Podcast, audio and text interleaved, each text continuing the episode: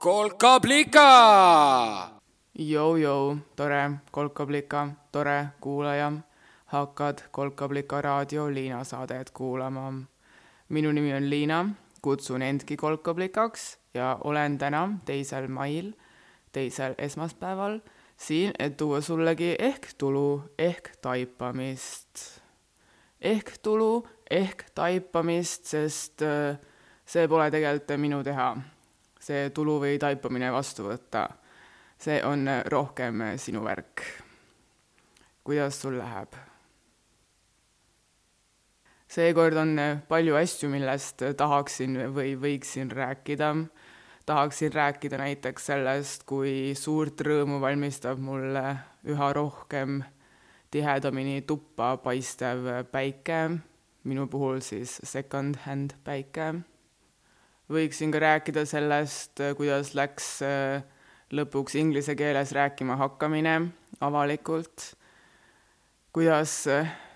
läks mu rahvusvahelise Youtube'i debüüt, läks äh, väga chillilt. tuli nimelt välja, et ma juba tean kedagi, kes on kord varem Youtube'i teinud. Ja siis tuli veel välja, et seesama inimene on teinud ka podcasti ja mitte ainult ühte podcasti, vaid, vaid kohe kahte podcasti. ja siis ma olin nagu okei okay,, et davai, et mis sa siis teistmoodi teeks, sest tundus, et nagu lahe oleks vigadest õppida. ja siis ma olin nagu tšilli, Liina, tšilli. nii et siis ma tšillisin. ja sellest oleks mul tegelikult muidugi veel ja veel ja veel rääkida. aga kuna praegu on niisugused ajad, nagu nad on, siis tundub täna paslik rääkida hoopiski Ukraina sõjast.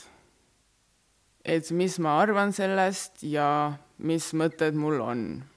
ma seni olen sellest teemast veits nagu kõrvale hiilinud ja pigem olnud nõutu või mures, et mure teisi sind ära ei sööks. aga ma nagu alati mõtlesin, et äh, tark ei torma, nii et äh, üks hetk nagu tuleb see moment niikuinii, kus tundub aus äh,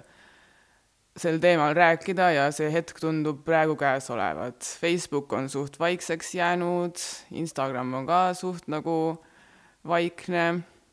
tänava peal näeb mõnda Audit, millel on Ukraina numbrimärk küljes,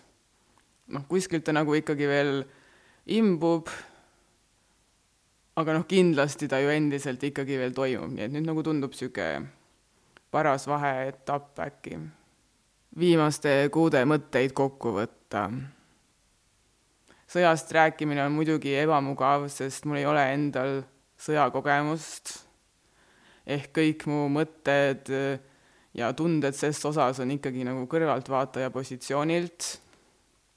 mul oli just äh, koroona või õigemini ma sain koroona kahekümne neljandal veebruaril ehk äh, täpselt tol päeval, kui hakkas äh, Ukraina sõda.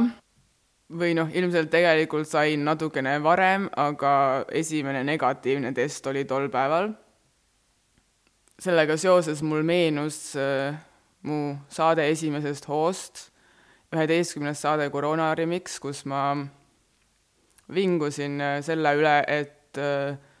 kasutasime toona koroonast rääkides sõjatermineid. praegu peamiselt meenuvad eesliini töötajad ja ka mingi mälupilt, kuidas Macron, Prantsusmaa nüüd vana ja uus ka, president kuulutas koroonale sõja, midagi vist oli veel, aga hetkel rohkem meelde ei tule.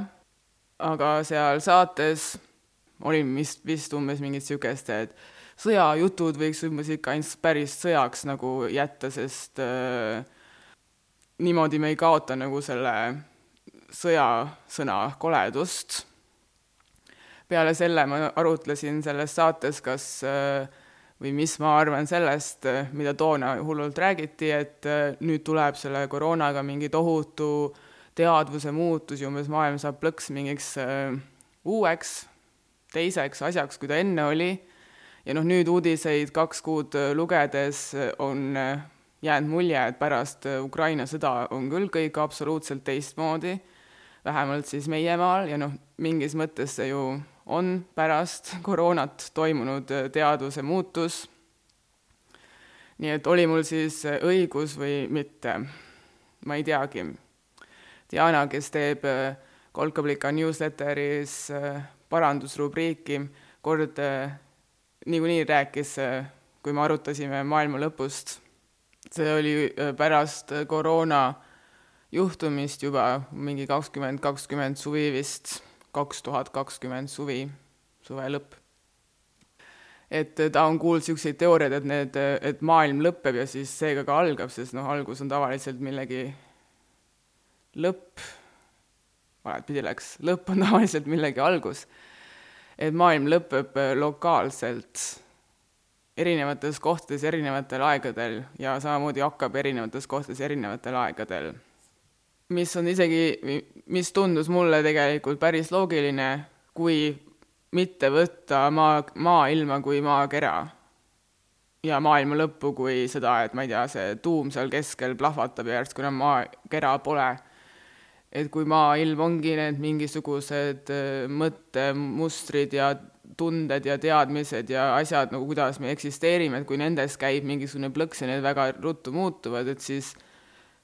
noh, ta ilmselt muutubki erinevates kohtades erinevatel aegadel, sest erinevates kohtades on erinevad äh, mälud, viisid ja kombed ja muud niisugust näiteks siin Austrias, kus mina olen praegu, Austrias, mis tegelikult on geograafiliselt Ukrainale palju lähemal kui Eesti, on sõda mingis mõttes nagu palju kaugemal, kui see oli Eestis. siin jääb ikkagi mulje, et sõda on kuskil seal kaugel Ida-Euroopas, kus me ise siin ei ole, sest me siin oleme Kesk-Euroopas kuigi noh, äh, kui hakata siis päriselt kilomeetreid lugema, on tegelikult sõda lähemal. see vist on ka see maakera ja maailma erinevus või? samal ajal näiteks ka on äh, Austria väga palju suurem sõber, selle endast väga kaugel ja seega ilmselt äh, abstraktse või niisuguse nagu ei saa päris pihta, mis värk on võimuga seal Moskvas Noa just, äh, Noa, mu Peika, just äh, üks päev äh, duši alt tulles rääkis, kuidas ta on väga teadlik nüüd, et iga kord, kui ta duši all käib, siis ta maksab Putinile. sest gaas, millega me mitte ainult ei küta oma kodu, vaid ka kütame vett ja teeme süüa, on noh, suht sada protsenti kindlalt Venemaalt pärit ja põhimõtteliselt see gaasilugu, kuidas Austria on täiesti sõltuvuses äh, Venemaa gaasist, see on nagu peamine asi, millest siin räägitakse. poliitikud on suht äh, noh, lubavad muidugi nüüd igast asju, kuidas viie aasta pärast me oleme kõik siin Vene gaasita ja elu hakkab jälle ilus olema ja ostame hoopis Norrast gaasi ja samal ajal oleme täiesti kliimaneutraalsed ja äh, prügi enam ei tooda ja muud niisugust. samal ajal on põhijutt ju muidugi ka see inflatsioon ja äh, muud jamad, nii et poliitikud on siin suht plindris ja inimesed on lihtsalt oma elu pärast mures, sest äh, minagi olen saanud juba nii gaasi maksetõusulepingu, tõsteti ka elektrit ja tõsteti ka renti ja poes on kõik asjad vähemalt kakskümmend senti kallimad nii et jah, niisugune nagu plindris olukord on siin, tehakse küll mingeid arutelusid ja nägusid, aga nagu kõik on veits nagu nõutud lõpuks vist. ja noh, muidugi peab ilmselt siinkohas ka mainima ära, et äh, Austria nii-öelda EKRE peaboss, äh, endine peaboss äh, võeti ametist maha, sest oli valmis Venemaale oma riiki maha müüma põhimõtteliselt, nii et sedasi on lood siinpool sood siinse maailmavaatega. ma olin ise just paar päeva enne seda, kui Noa duši alt tuli ja oma mõtteid minuga jagas, mõelnud, et ähm, et pikad, mõnusad, soojad dušid on mul nagu fake saun ja noh, nüüd ma ei saa muidugi enam peast ka mõtet, et mu fake saun on passiivne tulu Putinile. Aga mida ma nagu teha saan, pesema end ju pea, võib-olla peaks võib-olla külmemat duši võtma hoopis. oleks rahakotile, minu rahakotile ehk kasulik ja Putinile, no ma ei tea, mõned sendid jääks tal tulemata äkki ma ise muidu olen suht infodieedil, nii et äh, mitte isegi nagu sõja tõttu, vaid üldiselt üritan nagu oma peas või nagu elus nagu ruumi teha lihtsalt olemisele veidi ja ei taha nagu liiga palju mingeid asju tarvitada, mis tähendab seda, et ma olen nagu hakanud ise tohutult palju äh, tootma igast asju ja neid postitama ja sahtlisse tegema ja nii edasi, ma ei tea, kas seal on mingisugune seos, aga noh, see selleks. igatahes ma olen infodieedil ja ma ei tea, kas on sellepärast või miks, aga ma nagu täpselt vist ei jõua järgi sellele viimasele trend, trendile, mis äh, tundub nagu laineid löövad, mis on siis äh, see mõte, et Venemaa üldiselt ja venelased üldiselt kõik sakivad. ma olen nagu natukene endiselt äh, veel sealkandis, et Putin ikka nagu üksi sakib või siis noh, mitte võib-olla täiesti üksi, vaid äh, Putin ja ta kompanii, sõbrad ja fännid. ja noh, okei okay,, see vist ongi see loogika, et äh, et äh, fännid sakivad, on ju, aga mul juba seal läheb veits raskelt, sest kas fänn nagu automaatselt sakib, kui bänd, keda ta fännab, sakib, ma ei saa sellesse uskuda, sest ma olen ise Tokyo Hotelli fänn olnud ja mina ei saki. Teiseks, siis ma nagu küsin endalt, kas äh, kas mina oleks solvunud või, või noh, mis tundeid mul nagu tekiks, kui keegi ütleks üleüldiselt äh, näiteks, et noh, Eesti sakib no kindlasti mul tekiks mingit sorti nagu uhkuse tunne veits, et nagu mis asja, on ju. et jaa, meil võib-olla tõesti on need mingid äh, et jaa, meil võib-olla tõesti on jobusid, on ju, ja ma ei tea, mul ka mõned vanasugulased valivad EKRE-t, aga nagu see võib-olla on hoopis sellepärast, et äh, sotsid ei ole üldse lahedad ja ma ei tea ise ka, kas ma neid enam nagu valida tahaks. ja nagu üldse on tunne, et nagu kedagi pole valida või kedagi nagu, kes nii hullult meeldiks ja ma ei tea, elu on ka tegelikult ju raske, nii et nagu ma saan ka kohati aru, miks nad äh, võib-olla tahavad valida ne neid äh, jobusid, on ju. ja see, et äh, mul mõned vanasugulased võib-olla EKRE-t valivad, see nagu ei tähenda, et ma neid edaspidi ka kalliks ei peaks ja ma ei tea, teise poliitiliste vaadete pärast teist vihata tundub mulle veits nagu ohtlik. peale selle tundub mulle ikkagi veits ohtlik ka grupiviisiliselt mingeid inimesi, keda ühendab niisugune mingi abstraktne asi nagu näiteks rahvus või sugu või seksuaalorientatsioon, ma ei tea, bänd, keda nad fännavad neid kuidagi nagu grupiviisiliselt mingisse lahtrisse või silti panna ja selle otsa nagu mingeid tundeid tunda, see tundub mulle ka nagu veits ohtlik. me oleme nagu korduvalt varem seda rada minu arust valet pidi käinud. ja noh, siis kõige lõpuks ma veel küsin endalt, et kui ma suudan rakendada niisugust loogikat, et äh, ma ei tea, üritan mõista ka oma kohalikke teisitimõtlejaid, äh, nagu ma tahaks, et nad üritaks mõista mind, mida ma ei tea, kas nad teevad, aga noh, võib-olla tegelikult teevad ju, ma ei tea ju. et kui, kui mina nagu niisugust loogikat rakendan enda omade puhul, et kas, miks ma seda ei peaks siis nagu teiste puhul samamoodi tegema. sealhulgas siis näiteks mõeldes Venemaa inimestest või venelastest. ja noh, üldiselt niikuinii äh, viha ei ole vist kõige nagu tervislikum äh, tunne. Eriti, kui ta on nagu niisugune abstraktne ja sellest nagu tegelikult mingit suurt tulu ei tule. aga noh, tõsi on see nagu sellele ma kirjutan ikkagi ka sada protsenti alla, et sõda sakib ja sõda sakib täiega ja siis ma nagu mõtlen, et mida ma siis nagu loodan ja nagu kohati ei teagi nagu, mida loota, et loodan, et Venemaa laguneb või. see tegelikult on nagu väga huvitav eh, mõte, sest mõtle, kui palju riike oleks siis äh, sedasama joovastust täis, mida meie olime kolmkümmend aastat tagasi, samuti nagu täielik peavalu kõigile geograafia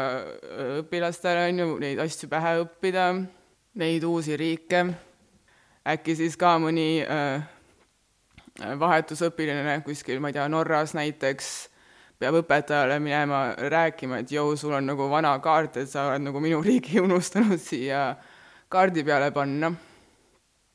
Äh, mida ma tegelikult ei teinud, see juhtus päriselt minuga. Äh, ma olin Norras vahetusõpilane ja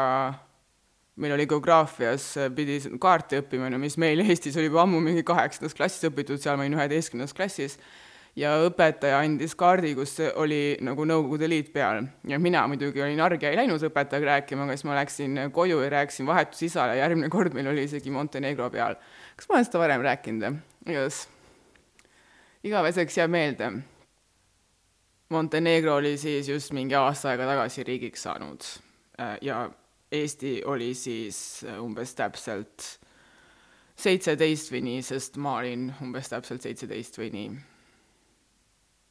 Samas nagu kui ma nagu, ma ei tea, mida täpselt see lootus nagu annab, et see laguneks või et ma ei tea, Putin sureks.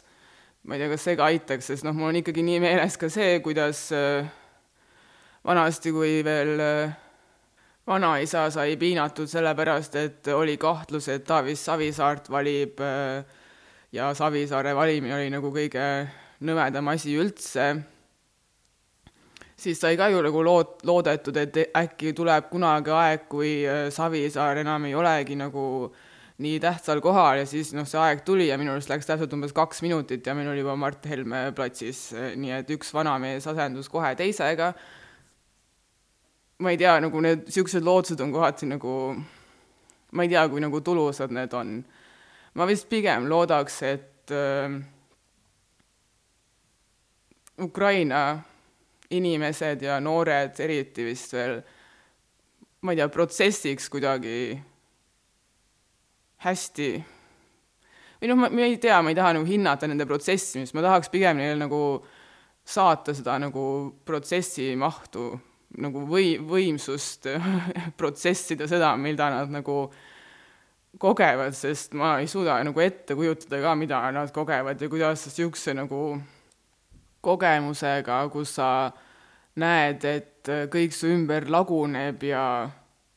hävib ja massiliselt suretakse, et kuidas sa nagu sellega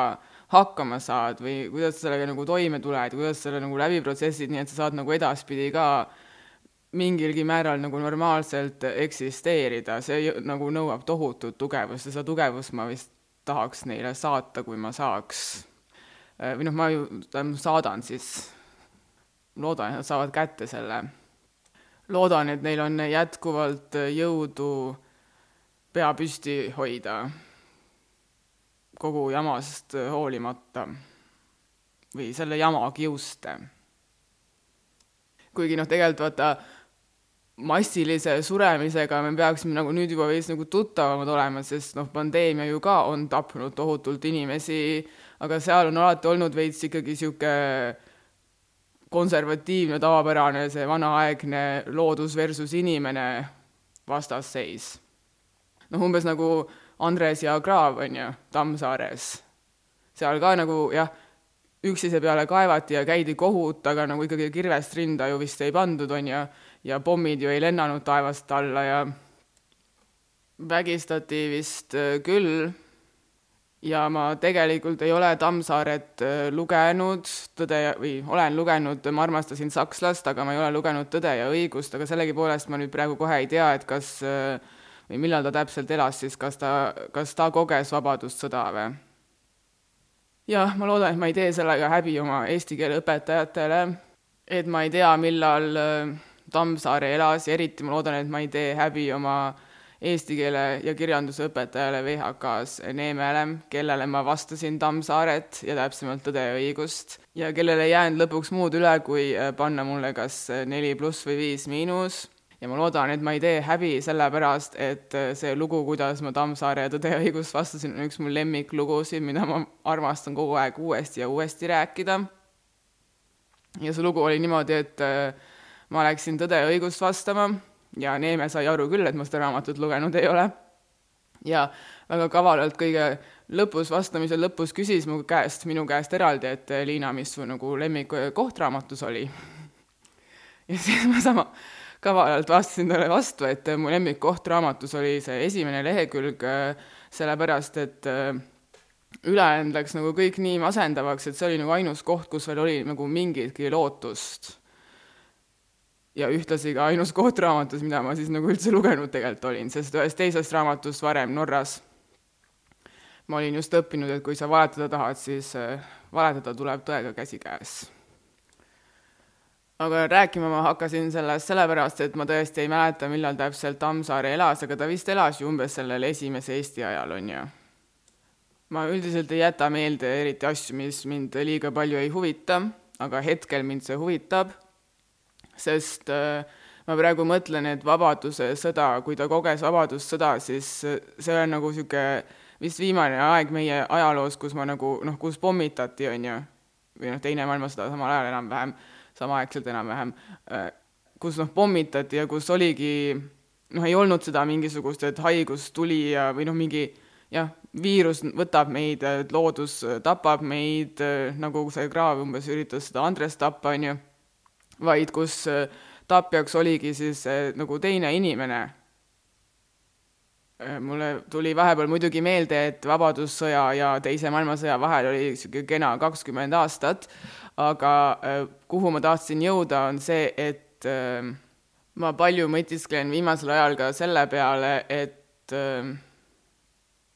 noh, kuidas sõda on tegelikult olnud juba nagu noh, suht terve minu nagu mäletatava elu jooksul kogu aeg kuskil nurga taga eemal, umbes sama eemal kui Moskva on Austriast meie jaoks. ja noh, Lähis-Idas konkreetsemalt, aga ilmselt äh, maailmas on äh, nii palju riike, et äh, mujalgi ma ei ole jõudnud kõigi nende sõda jälgida, kuigi ma mäletan Norras äh, üks esimesi asju, mida mu vahetusõde tegi, oli näidata, näitas mulle veebilehte, kus äh, oli list kõigist maailmas toimuvatest sõdadest ja nagu aasta oli kaks tuhat siis seitse ja see list oli nagu mingi, pidi järgmisele lehele klikkima, et tervet listi näha. väga pikk ja ma hästi palju mõtlen ausalt öeldes viimasel ajal selle peale, kuidas noh, tegelikult sõda on ju nagu kogu aeg käinud selle aja jooksul, kui ma enam-vähem elus olnud. ma noh, hästi palju jauran sellest esime-, esimesest maailmasõjast, ei, mitte esimesest maailmasõjast, vaid üheteistkümnendast septembrist ja kuidas sellest alates on ju noh, Lähis-Idas kogu aeg mingisugune pommitamine käinud ja siis ma palju mõtlen selle peale viimasel ajal, kuidas äh, nagu need sõjad, mis seal on toimunud, jah, okei okay,, võib-olla mitte see Süüria, sealt ikka tulid ka täiesti mingid lagunenud noh, linnade pilte samamoodi nagu äh, Ukrainas, lihtsalt selle vahega, et äh, need lagunenud linnad nägid rohkem nagu niisugused liivased võib-olla välja kui äh, nüüd Ukrainas, sest noh, Ukraina puhul ilmselt hästi hirmus on ka see just, et need, need linnad näevadki välja, nagu need võiks olla, ma ei tea, Paide või äh, Võru umbes, on ju, või Tartu ja Narva. Igatahes ma mõtlen palju selle peale, kuidas äh, see pilt sellest Lähis-Ida sõjast siit nagu ma ei tea, siis läänest või Kesk-Euroopast või siis noh, tegelikult ka Eestist vaadatuna on olnud kuidagi niisugune nagu puhastatud, noh esiteks nad on ju alati seda nagu mingiks rahu toomisoperatsiooniks umbes kutsunud, bränding on olnud niisugune rahustav ja me toome vabadust ja me toome headust ja me nagu teeme, lööme majas selle, me lööme maja korda või mis iganes see väljend on ja nagu noh, tihti ka nagu pilt sõdurist, Ameerika sõdurist siis äh, on niisugune nagu üldine pilt, ma jälle nagu, noh, seal on ka ilmselgelt sõjakoledusi olnud ja inimesed surnud ja nii edasi, aga niisugune noh, bränditud pilt kohati on ka ikkagi niisugune sõdur, kes istub baasis või siis isegi Ameerikas ja ma ei tea, mängib nagu arvutimänge, neid droone, millega ta seal kohalikke tapab. noh, see ei ole nagu, ta on kuidagi nagu niisugune väga nagu distantseeritud, see sõda olnud ja hästi nagu hirmutav on just seekord nagu vaadata, kui kuidagi noh, ma ei tea, mul ei ole seda kogemust, Vabadussõda oli nii kuradi ammu, nagu ka Esimene ja Teine maailmasõda, aga see sõda praegu seal Ukrainas kuidagi tundub nagu väga brutaalselt niisugune vanaaegne või? eriti Vene sõdurist on mulle jäänud asju tarbides mulje kui jotast ja vägistajast, kes kohati ei oska seetõttu kasutada, ma ei tea, mingeid sidevahendeid või noh, on täiesti nagu sihuke loll inimene veits. ei ole nagu sihuke musklis treenitud, tark äh, äh, rahutooja, nagu ma ette kujutan Ameerika sõdureid. muideks Ameerika teeb täiega propagandat oma sõda, nagu sellele sõjaväele, ma pean selle loo ka ära rääkima. sest ma käisin Ameerikas esimesel korral, kui ma käisin Ameerikas, siis mind viidi vaatama pesapalli mängisid äh, Minnesota Twins ja mingi Clevelandi Beavers või mingi asi ja noh, täiesti tavaline pesapallimäng oli umbes nagu mingi Kalev Cramo mängiks kellegagi FC Floraga, ma tahaks öelda, ma olen tegelikult teadlik, et üks neist vist on äh, korvpall ja teine on jalgpall. aga noh, täiesti tavaline mäng. niisugune meelelahutus, on ju. vahepeal ostad hot dogi ja jood õlle, on ju niisugust propagandalikku üritust, nagu see pesapallimäng oli, mis noh, toimub mingi umbes iga nädal, on ju, olen ma äh, näinud ainult nagu Kaitseliidu paraadidel ja kahekümne neljandal veebruaril seal Vabaduse platsil varem. aga nagu need üritused ongi mõeldud äh, nagu meie sõjavõime ja kaitsevõime tähendab äh, näitamiseks. seal pesapallimängul aga Ameerikas niisugune äh, propaganda oli nagu äh, tikitud äh, nii-öelda igapäevakogemuse vahele noh, mingis mõttes on meie paraadid ka tikitud mingi kolm korda aastas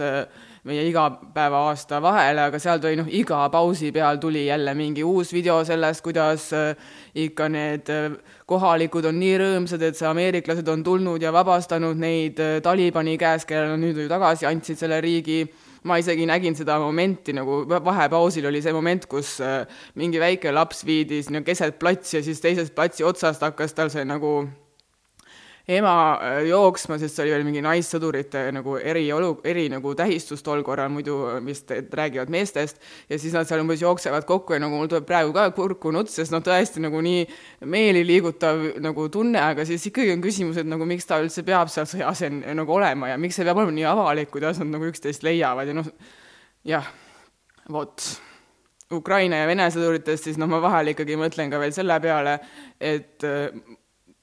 kui paljud neist tõesti võivad olla äh, sama vanad, kui on mu väike vend. aga siis mul tuleb meelde, et ka Johannes Martini vanuseid vägistajaid ja äh, jotasid ja jobusid on olemas, nii et äh, nii palju äh, siis äh, mu mõtetest sõdurite kohta. ja lõpetuseks ehk äh, paar sõna põgenike kohta või noh, tegelikult ilmselt äh, rohkem ikkagi minu kohta,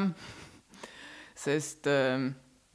ja nagu sa ilmselt tead, siis äh, kahe tuhande viieteistkümnenda aasta põgenikekriis mõjus mulle suht nagu rängalt, sealhulgas ka muud toona maailmas toimunud jamad, mujal maailmas toimunud jamad ja ma pean nagu tunnistama, et need äh, aastad alates sellest, siis äh, ma olen nagu veits olnud niimoodi, et nagu kuidas sa ei näe, nagu veits nagu niisuguses nagu hämmingus, et nagu kuidas sa ei näe,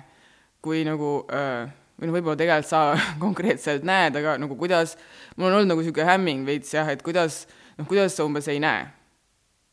või ei näinud, mida mina nägin. ja just põgenikekriisi kohta eriti ja noh, Eesti siis äh, soovimatusele toona põgenikke vastu võtta, mul tekkis nagu see tunne, et kuida-, kuidas sa nagu ei näe, mis olukorras nad on ja noh, ilmselt ma saan nagu aru, et hästi palju mind mõjutas just see, et ma olin ise just täpselt sel aastal äh, välismaale kolinud, ehk olin hakanud ka migrandiks, äh, küll siis nii-öelda mugavusmigrandiks, nagu toona kutsuti meid. Enda peas ka võib-olla nagu natukene põgenesin, aga no ma ei olnud tegelikult ju põgenik, läksin nagu paremat elu otsima, on ju, aga noh, ikkagi